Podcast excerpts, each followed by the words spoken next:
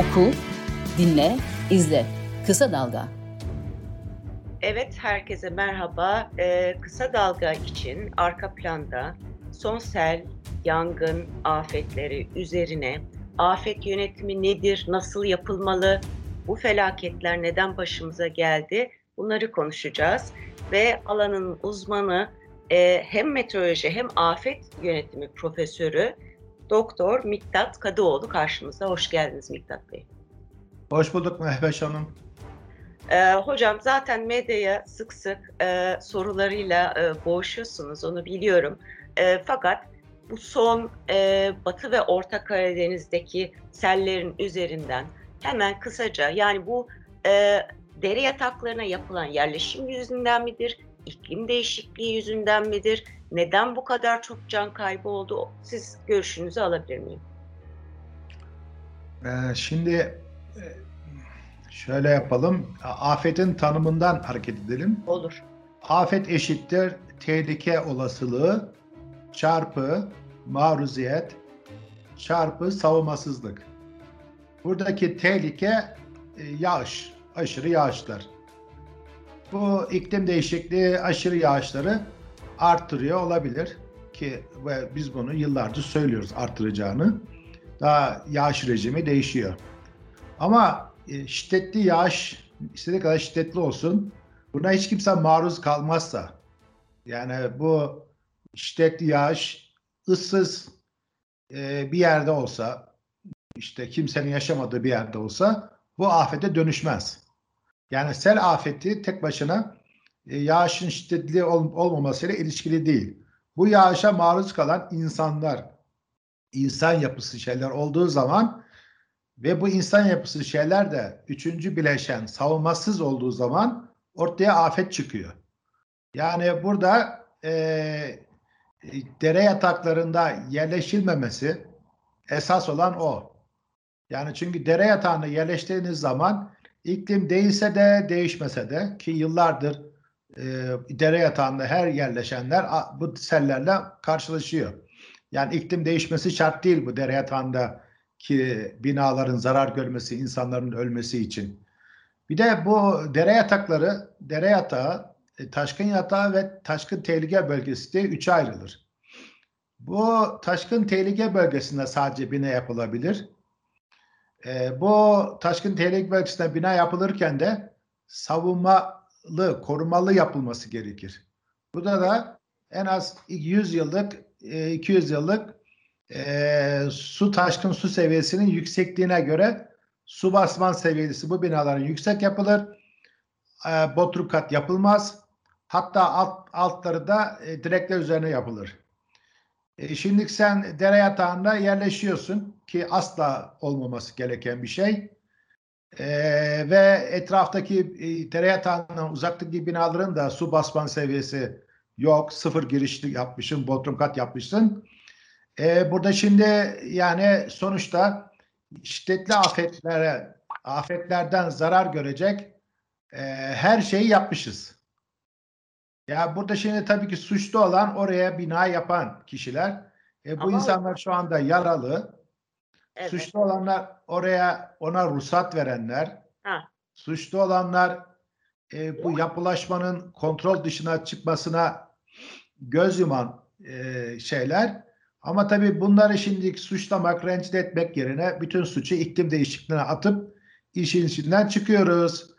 Bu da tabii bizi e, çözümsüzlüğe götürüyor. Yani evet. kök neden üzerine durmayıp doğru teşhiste bulunmadığımız zaman e, şeyde tedavide olamıyoruz. Evet. E, peki iklim değişikliğinin e, herhangi bir şekilde yani boyutunu arttırma yani afetin etkisini e, boyutunu arttırma gibi bir etkisinden söz edebilir miyiz? Özellikle şu son e, seller için söylüyorum. Çünkü Ağustos ayındayız. Normalde Batı ve Orta yani Karadeniz'de yağışın nispeten daha az olduğu e, bir dönemdir. Lütfen yanlış söylüyorsam düzeltin. E, bu dönemsel e, duruma göre de bir fazladan e, bir yağış miktarı da düşmüş müdür? Şimdi bu matematiksel düşünmede Türkiye'de sıkıntı yaşıyoruz. Tanımları da insanlar bilmiyor. Mesela normal mesela işte mevsim normali, işte aylık yağış ortalaması normali. Şimdi bu bu normallerin içinde de ekstrem yağışlar vardır aslında. Şimdi düşünün 30 yıllık e, Ağustos ayının yağışlarına bakıyoruz. Burada 500 kilogram yağdığı aylar da olmuştur, günler de olmuştur. Hiç yağmadığı aylar da olmuştur. Ortalamasını alırsanız 50 kilogram falan çıkar. Bu kadar çok sıfır olunca. Ve de biz Türkiye'de bu 50 kilogramı biz esas alırız. Ama yağışın değişkenliğini, standart sapmasını, varyasını dikkate almayız. Yani Türkiye'deki bilimsel e, düşünce şeyinde sıkıntı var. E, hep ortalamalarla gideriz ama ortalamanın için ortalama nasıl hesaplandığını hiç bilmeyiz.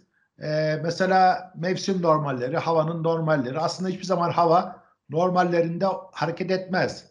Hava havai bir şeydir. O normal dediğimiz zaman mesela düşün şimdi mesela bir o 15 günlük Ağustos ayının sıcaklık ortalamasını alacağız diyelim. O mesela bir 15 gün 30 günlük 30 günün ilk 15 günü korkunç sıcak olsun. 40-45 derece. Diğer 15 günü de 15-20 derece çok serin olsun. Al ortalamayı 30 derece çıkar. Yani bu bize şeyi göstermez yani bütün günlerin normal olduğunu. Yani bu değerlerle biz hareket edem etmememiz gerekiyor. Bizim birazcık riski görmek, değişkenliği, varyanslara, standart sapmalara bakmamız gerekiyor ama Türk insanı birazcık değişkenliği sevmiyor. Çok kontrolcü, çok ortalamacı. Hep ortalamalarla gidiyor. O zaman da bu ekstremler, bu uçlar, salınımlardan şaşırıyor. Ama yani bu normaller, ortalamalar matematiksel hayali bir değerdir. Bu çok sıcak, çok soğuk ya da aşırı yağış, aşırı kuraklığın orta değeridir bunlar. Ama bunların etrafında çok değişken havalar da vardır. Yani iklim değişke, de, değişikliği hidrolojik çevrimi, suyun çevrimini hızlandırıyor. Ee, bu değişkenliği arttırıyor. Daha kurak. Onu biraz açar mısınız hocam? Nasıl Efendim? Hidro, hidrolojik değişkenliği arttırıyor dediniz. Onu Yani biraz açar mısınız? Suyun, suyun, suyun çevrimini arttırıyor. Yani buharlaşmayı, buharlaşmanın gidip yağışa dönüşüp tekrar şey yapmasında burada daha hızlı. Çünkü ne kadar çok ısınıyorsak o kadar çok buharlaşma oluyor. Ne kadar çok buharlaşma varsa havadaki nem o kadar fazla olunca yağış da o kadar fazla oluyor. Kışın e, bizim özellikle sürekli aldığımız yağışlar e, alçak basınç merkezi ve ona bağlı cephe sistemlerine bağlı. Bunlar genellikle birazcık böyle romantik yağış mı diyelim böyle mutedil, orta böyle sürekli bir yağışlar. Ama yılın sıcak mevsimlerinde bahar ve yazın daha çok e, kısa şiddetli gök gürültülü sağanak yağışlar oluyor. Bu sahne ya hiç olmuyor yağış uzun bir süre. Kuraklık oluyor işte orman yanıyor vesaire. Ya da böyle kısa süre çok şiddetli sağanak yağışlar oluyor. E, bu e, kısa süreli şiddetli sağanak yağışlar artıyor. Yani yağışın rejimi değişiyor. Ne zaman yağdığı, nasıl yağdığı değişiyor. E, bu yağış rejimi değişmesi ne zaten biz 30 senedir bekliyoruz, biliyoruz. Bizim yapmadığımız şey bunu bile bile hala dere yataklarına yerleşiyoruz. Normalde yapmamamız gereken şeyi iklim değişirken, risk artarken hiç yapmamamız gerekirken iklim değişikliğini günah keçisi olarak kullanıyoruz. Ya da altına bütün çer çöpü süpürdüğümüz bir halı gibi kullanıyoruz iklim değişikliğini. Laf olsun beri gele iklim değişikliği diyoruz ama biz değişmiyoruz. İklim değişirken biz hiç değişmiyoruz yani. Sonuçta e, bu bölgelerde mesela 1929'da e, Trabzon Sürmene Köprübaşı benim dedelerim selden Maçka'ya göç etmişler. O zamanlar iklim değişikliğinin adı bile yoktu. Yani bu e, seller dünya var olduğundan beri var. Ve daha da e, fazla olmaya devam edecek. Şimdi siz iklim değişikliği ya da değişmezliği neyse ol, değilse de iklim değişmese de buralardan uzak durmak zorundasınız. Buraya yaptığınız köprüleri, yolları, menfezleri 500 yıllık yağışı dikkate alarak yapmanız lazım. Bakın 500 yılda yağacak en şiddetli yağışları biz meteoroloji mühendisleri hesaplarız. Şehirler, sanat yapıları, yollar, limanlar, köprüler buna göre yapılması lazım. E şimdi siz derenin güneşli bir gündeki haline bakarak bina yaparsanız 500 yılda yağabilecek en şiddet yağışın o dere havzasında ne kadar su toplayacağını, derenin nerelerine kaç metre çıkacağını, derenin taşkın yatağının ne olduğunu bilmeden hareket ederseniz yap satçı mantığıyla oraya binayı yapıp satarsanız ve de siz de orada dere yatağının olduğunu görmeden, bakmadan gider oraya ev kiralarsanız zarar görürsünüz bundan yani. İklim değişse de değişmese de zarar görürsünüz. İklim değişikliğe daha fazla zarar göreceksiniz. Zaten kıyı kanunu diyor ki en fazla 50 metre yaklaşabilirsin diyor kıyılara. Dere dere dahil yani sadece Evet dere dahil. Sen şimdi iklim değişikliğine dikkat alaraktan en fazla 75 metre yaklaşman lazım. Ama şimdi yıkılan bütün binalara bakın. Yeni binalar daha çok yıkıldı. Yani benim babaannemin, dedemin yaptığı binalar değil yani. Şu anda en son yıllarda yapılan yeni binalar, yeni köprüler yıkılıyor. Bir medeniyet gerilemesi var. Bina yapmakta, köprü vesaire yapmakta Türkiye'de geri gidiyoruz biz sürekli. Yani bu doğayı vesaire fazla dikkate almıyoruz. İklim değişikliğine dikkate almıyoruz. İklim değişikliğini yeşil badanacılık yapıyoruz. Greenwashing deniyor buna. Yani badana yeşil badana. Şimdi adam ruhsat vermiş, izin vermiş, göz yummuş. Ee, işte şey yapmış. Mesela siyasi parti liderleri de gidiyor ya muhalefet de olsa verkare. Orada iklim değişikliği diyor. Vatandaş sen buraya niye yaptın demiyor. Bak şimdi. Buraya niye ruhsat verdik demiyor. Çünkü kendi belediye, kendi partisinden belediye başkanı da vermiş. E şimdi be, ama şimdi bu yani kök neden değil bu. Bu, bu problem o değil. Esas da tamam şimdi iklim değişikliği diyelim, lanet diyelim, şeytan taşlar gibi taşlayalım iklimi. Ne olacak? Çözdük mü şimdi problemi? Bu yapılaşmayı durdurmak zorundayız. Evet hocam ayrıca iklim değişikliği de insandan kaynaklanan bir şey. Genellikle e, işin bu kısmı e, atlanıyor sanki kendiliğinden doğanın e, bir e, şeysi gibi ama halbuki insan yüzünden zaten bu aşırı hava olaylarını yaşıyoruz. E, ben bir de siz konuşurken şu aklıma geldi. Su basmanı meselesi e, benim gördüğüm kadarıyla bazı yerlerde kat çıkmak için daha fazla kat yapmak için kullanılıyor. Yani e, su basmanı diye izni alıyorlar ve ondan sonra o en alt katlarda da dükkanlar ve e, yerleşimler yani insanlar oturuyor aslında boş kalması gerekiyor. Yani su basmanının mantığı bu değil mi? İşte evet o kavramın da içini boşaltmışız. Yani onu da bordür taşına falan bağlamışız. Yani bodrum katı birazcık yüksek yapalım da pencere koyalım falan gibi. E, orayı da satalım, oradan da para kazanalım. Mantığı var bu işte su basman seviyesinde de. Yani e, su basmanın su basmasıyla ilgisi kalmamış Türkiye'de. Evet. Yani bu su basmanın e, binayı korumak yoldan vesaireden bir de sudan da korumak şey olması lazım.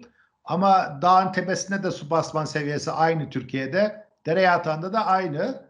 Yani bu kavramın içini doldurmak bu kadar zor mudur? Bunu bilemiyorum yani. Böyle bir şey e, ne kadar mantık dışı bir olay. Mesela Beşiktaş'ta Ihlamur Kastırı var. Bunu yapanların o zamanki e, Osmanlı zamanında e, bilgisayarları yoktu. Akıllı telefonları yoktu. Belki diplomaları da yoktu. Ama dere yatağında bina yaptığını bilerek adamlar yaşam alanını iki, iki yandan merdivenle çıkarak bir kat yukarıda yapmışlar. Yandaki mühendisler de şimdi modern mühendisler güya sıfır girişli binalar yapıyorlar. Bodrum kat yapıyorlar. Yani ondan sonra da iklim değişti. Evet, yani aynı ama... şekilde o zaman hocam e, pek çok büyük şehirde İstanbul'da da mesela pek çok e, dere yatağında yerleşim var. Yani e, Cinderesi var, e, işte iki telli var vesaire. O zaman bütün buradaki alanlar riski daha önce de gördük yani yıllar önce e, bir takım seller gördük ve şu anda da hala riskli pozisyondalar demek ki öyle mi? Aynen öyle yani. Büyükdere Caddesi. Böyle bir böyle bir cadde olur mu ya? Adı Üstdere Caddesi. Ya artık dünyada böyle yapılan yanlışları tekrar geriye döndürüyorlar. Açıyorlar derelerin üstlerini filan. Biz dereleri mereleri önce kanalizasyona çevirmişiz. Koktuğu zaman da üstünü kapatmışız. Oy da sonra üstüne her şeyi yapmışız. Sonra da iklim değişti böyle oldu. Hü hü. yani bu böyle bir şey komedi yani akıl tutulması var yani. Evet. Yani bu böyle bir şey olabilir mi? Yani Bizans'ta anlatırlar ya işte Bizans zamanında hani İstanbul işgalinde e, e, kilisede meleklerin cinsiyetini tartışıyorlarmış gibi. Yani aynı o duruma düştük. Ya kardeşim sen neyi tartışıyorsun? O şu yaptığın işe bak sen. Böyle bir şey, şehirleşme Türkiye'de bina yapmak kontrol dışına çıkmış durumda. Yani biz bu şehirleşmeyi, bina yapmayı kontrol edemiyoruz.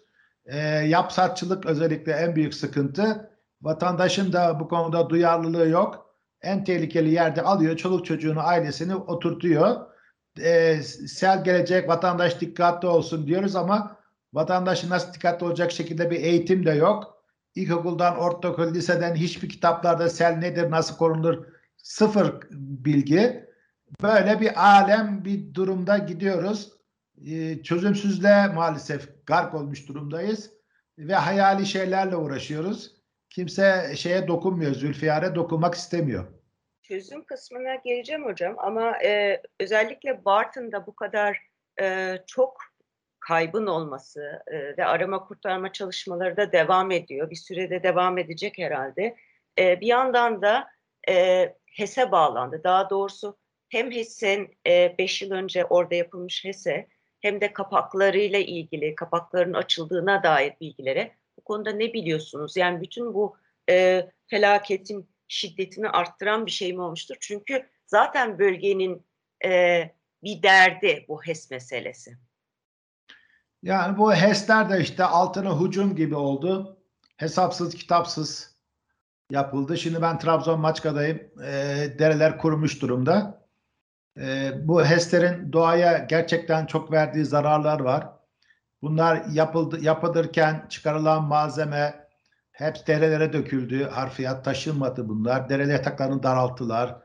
E, doğadan aşağı, dağdan aşağı indirilen boruların üstü örtülmedi. Öyle yamaçları ikiye böldü. Böyle çirkin bir manzara. Hayvanların gelip geçmesini de engelleyen böyle bariyerler oluşturdular.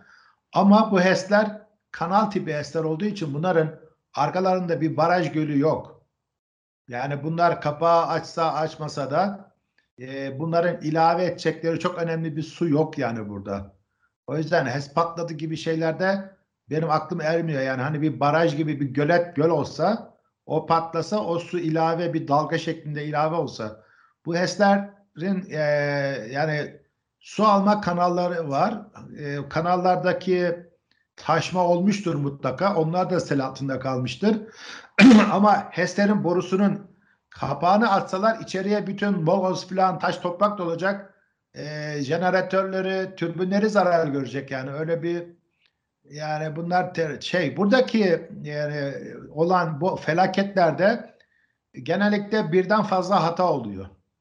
Yani bir değil, iki değil bunlar. Bu zincirleme reaksiyonlar bu felaketleri getiriyor.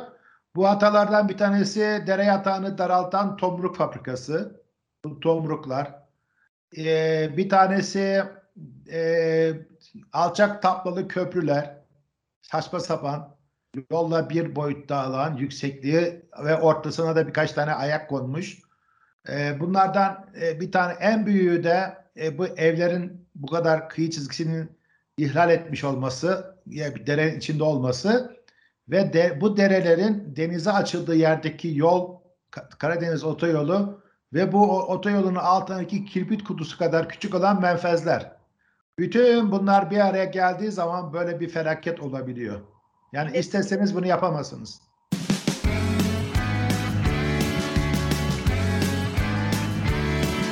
Kulağınız bizde olsun. Kısa Dalga Podcast. Bir yandan da dağlarda yapılan yollar, ormansızlaşma, işte bu e, madenler olsun, taş ocakları olsun, HES'ler olsun e, bir yani bununla ilgili bazı yerlerde zaten e, itirazlar oluyor. E, fakat tepelerde zaten yağmuru tutacak ağaçların azalması da bu nedenlerin arasına sayılabilir mi? Yani bu e, yağışların azalması tabii ki yağışın akışa geçiş, geçiş, geçmesini arttırıyor. Ama bu yapılan yollar, madenler e, ve benzeri şeylerde en büyük sıkıntı bütün bunlar harfiyatı taşımıyorlar. Kamyon parası, mazot parasına kaçıyorlar ve bunu sahipsiz derelere döküyorlar. derelerin dar, yataklarını daraltıyorlar. Dere yatağını daralttığın zaman derenin suyu hızlanır. Suyu hızlandırıyorlar. Yani bunlar dere yataklarına mesela yollar da devlet de yolları derenin e, derenin bir kısmını alıp bir duvar yapıp yolun kıyına derenin kıyına yapıyor yolları.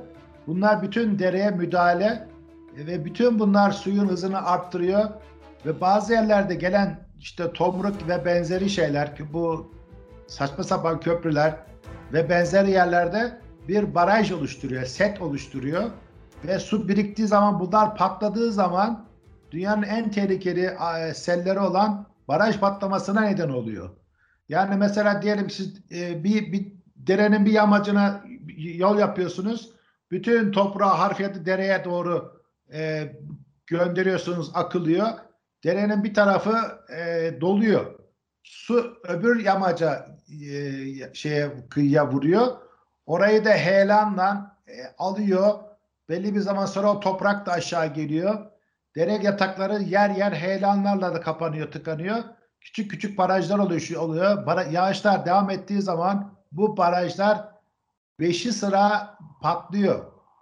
Patlamalar böyle oluyor genellikle ve e, hiç olmayacak kadar büyük sellere neden oluyor bunlar. Evet. Hocam peki e, Batı e, yani Batı ve Orta Karadeniz'deki sellerden bahsettik. Yangınlardan önce de Arhavi'de olmuştu ama bir, bir arada e, Van'ın Başkale ilçesinde e, fazla kamuoyunda yani tabii ki gündeme geldi ama yangınlar o kadar yoğundu ki e, Başkale konusunda biraz daha farklı bir durum var mı? Çünkü e, Karadeniz'i, e, coğrafi ve e, iklim koşullarını biliyoruz. Dere yataklarını konuştuk. Fakat Van, Van'ın Başkale e, ilçesindeki duruma dair e, sizin yorumunuz nedir? Orada da çok büyük bir felaket yaşandı. Şimdi Van'da e, belli bir süre o bölgelerde bir e, kuraklık var.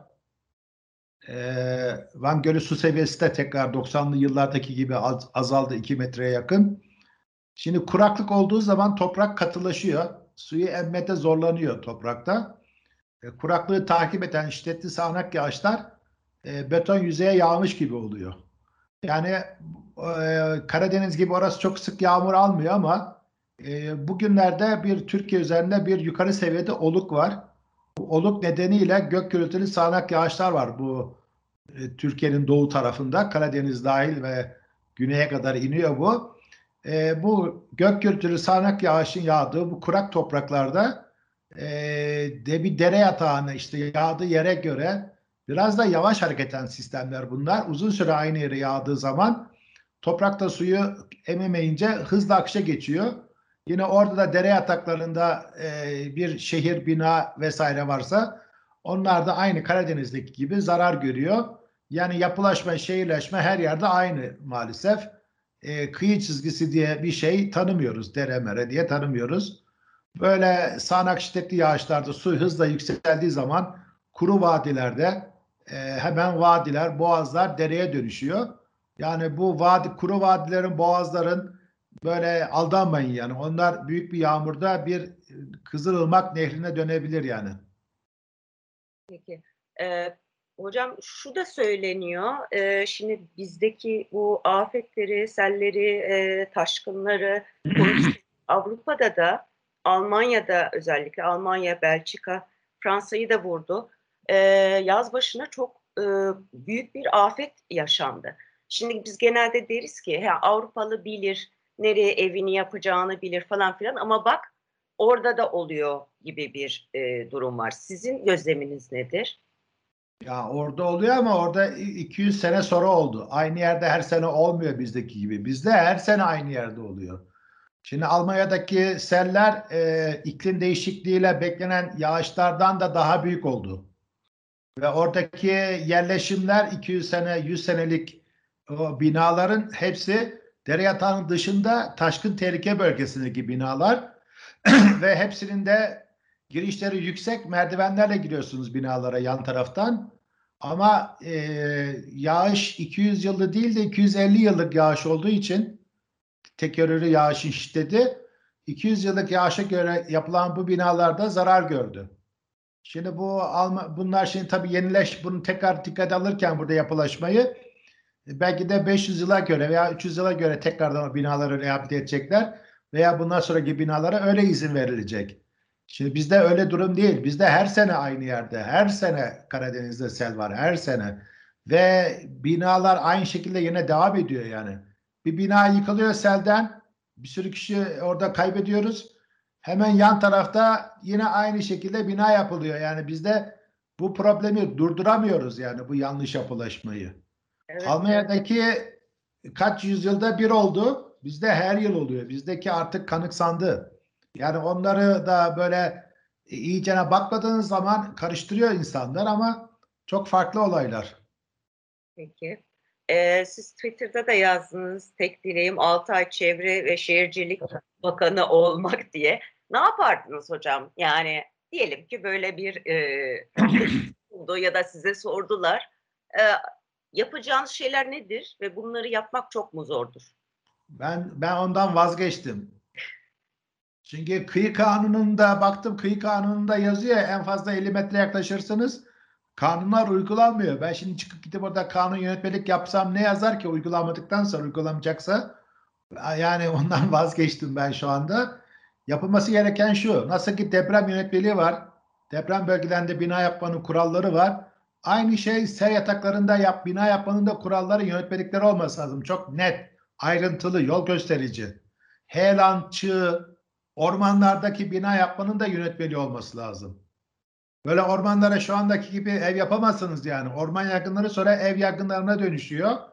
Bazen evler yanıp ormanı da yakabilir. Bu sefer ormanlar evi yaktı ama tersi de olabilir. Bunlarla ilgili düzenlemeler yok Türkiye'de. Yönetmelikler yok. Bir tek depremle ilgili var. Yani bunları çıkartırım diye düşündüm ama sonra baktım ki kanunlar normal mevcutlar da yönet uygulanmıyor. O yüzden vazgeçtim. Böyle ben iyiyim ben şu anda daha kafam rahat. Ee, peki hocam afet yönetimine gelelim. Ee, bir yandan çünkü e, yetkililer diyor ki biz elimizden geleni yapıyoruz vesaire ve büyük bir çaba var. Bunu, bunu da e, tab tabii ki yani bir e, ama bazı yerlerde de özellikle yangınlarda e, çok geç müdahale edildiği edilmedi. Hatta Bartın'daki selde de öyle oldu aslında. Biz ertesi gün e, duyduk. E, yani kamuoyunda siz zaten havayı e, takip ettiğiniz için kuvvetli yağış olduğunu biliyordunuz ama e, afetin bu boyutta olduğunu e, öğrenemedik. Bir, böyle bir durum var. Yani afete e, ilk yani bir afete yakalanmamak için neler yapılır? Bunları e, az zarar görmek için neler yapılır? Bunları konuşuyoruz ama bir de afet anı var. E, burada yapılması gereken şeyler nedir ya da eksiklerimiz nedir? Aslında eee, şöyle bir durum var. Biz her şeyi yapıyoruz ama afet olduktan sonra. Bütün bakanlarımız, herkes, devlet bütün her şeyle afet bölgesine gidiyor. Yıkım ve yara sarma, sarmalına girmişiz biz. Esas bizim yapmamız gereken afet olmadan önce yapmak. Mesela şimdi biz İstanbul ve Marmara bölgesinden büyük deprem bekliyoruz. Allah göstermesin bu deprem ol- olacak. O ve olduğu zaman da çok büyük yıkımlar yaşayacağız. E, devlet bu depremden sonra mutlaka o bölgeye gelecek. Ama biz afetten sonra değil, şimdi gitsin istiyoruz. Belediyeyi, valiliği, bütün bakanlar 50 bin tane bina var bildiğimiz yıkılması gere- yıkılacaklı. Bu binaları kontrol nasıl biz afet olmadan e, kont- e, yıkıp, yıkıp e, insanlar ölmeden bunları rehabilite ederiz diye. Yani bizim Türkiye'deki afet yönetimi mantığı daha çok kriz yönetimi mantığı. Bizim esas yapmamız gereken risk yönetimi. Şimdi siz riski azaltmasanız mesela 50 bin tane binayı 50 binaya indirmezseniz afet olduktan sonra o afeti yönetemezsiniz. Müdahaleyle baş edemezsiniz. Yani afet yönetimi müdahale risk azaltmayla başlar. Ve azalt, azaltamadığınız riski için hazırlık yaparsınız. Biz riski azaltmadan güya hazırlık yapıyoruz. Yani böyle bir şey yok.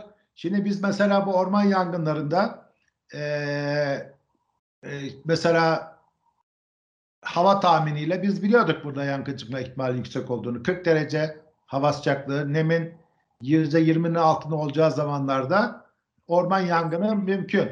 Yani devlet ve ilgililer burayı bu riski görüp önceden gidip ormanları girişleri yasaklasalardı, ateş yakma, terör vesaire eylemler için tedbir alsalardı, e, Türkiye'nin değişik yerlerindeki orman yangın ekiplerini bu bölgeye getirip arazide konuşlandırsalardı erken müdahale etmek daha kolay olurdu.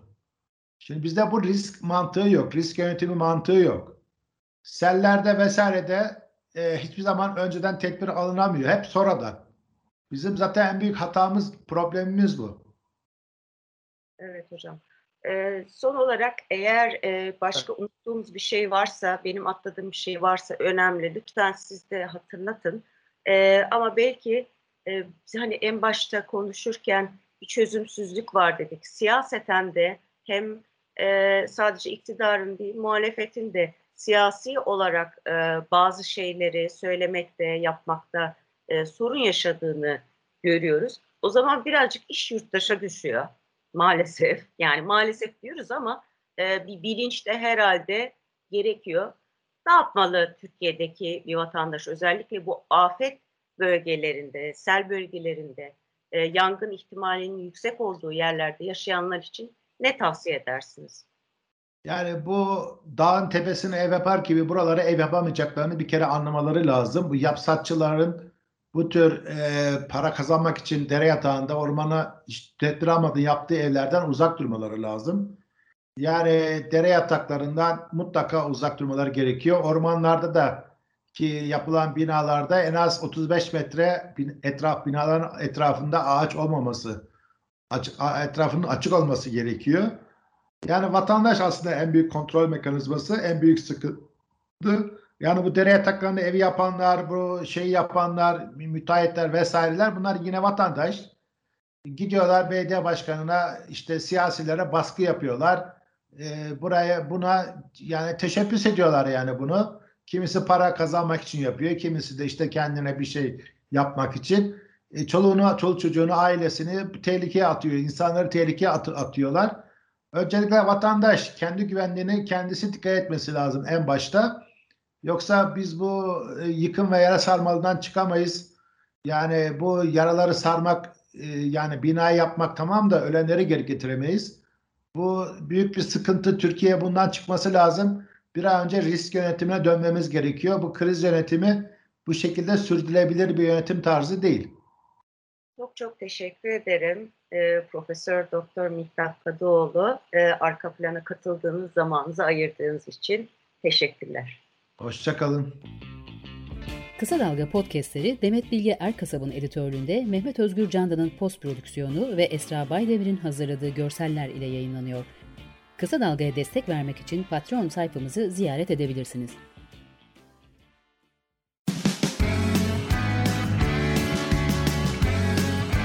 Oku, dinle, izle. Kısa Dalga.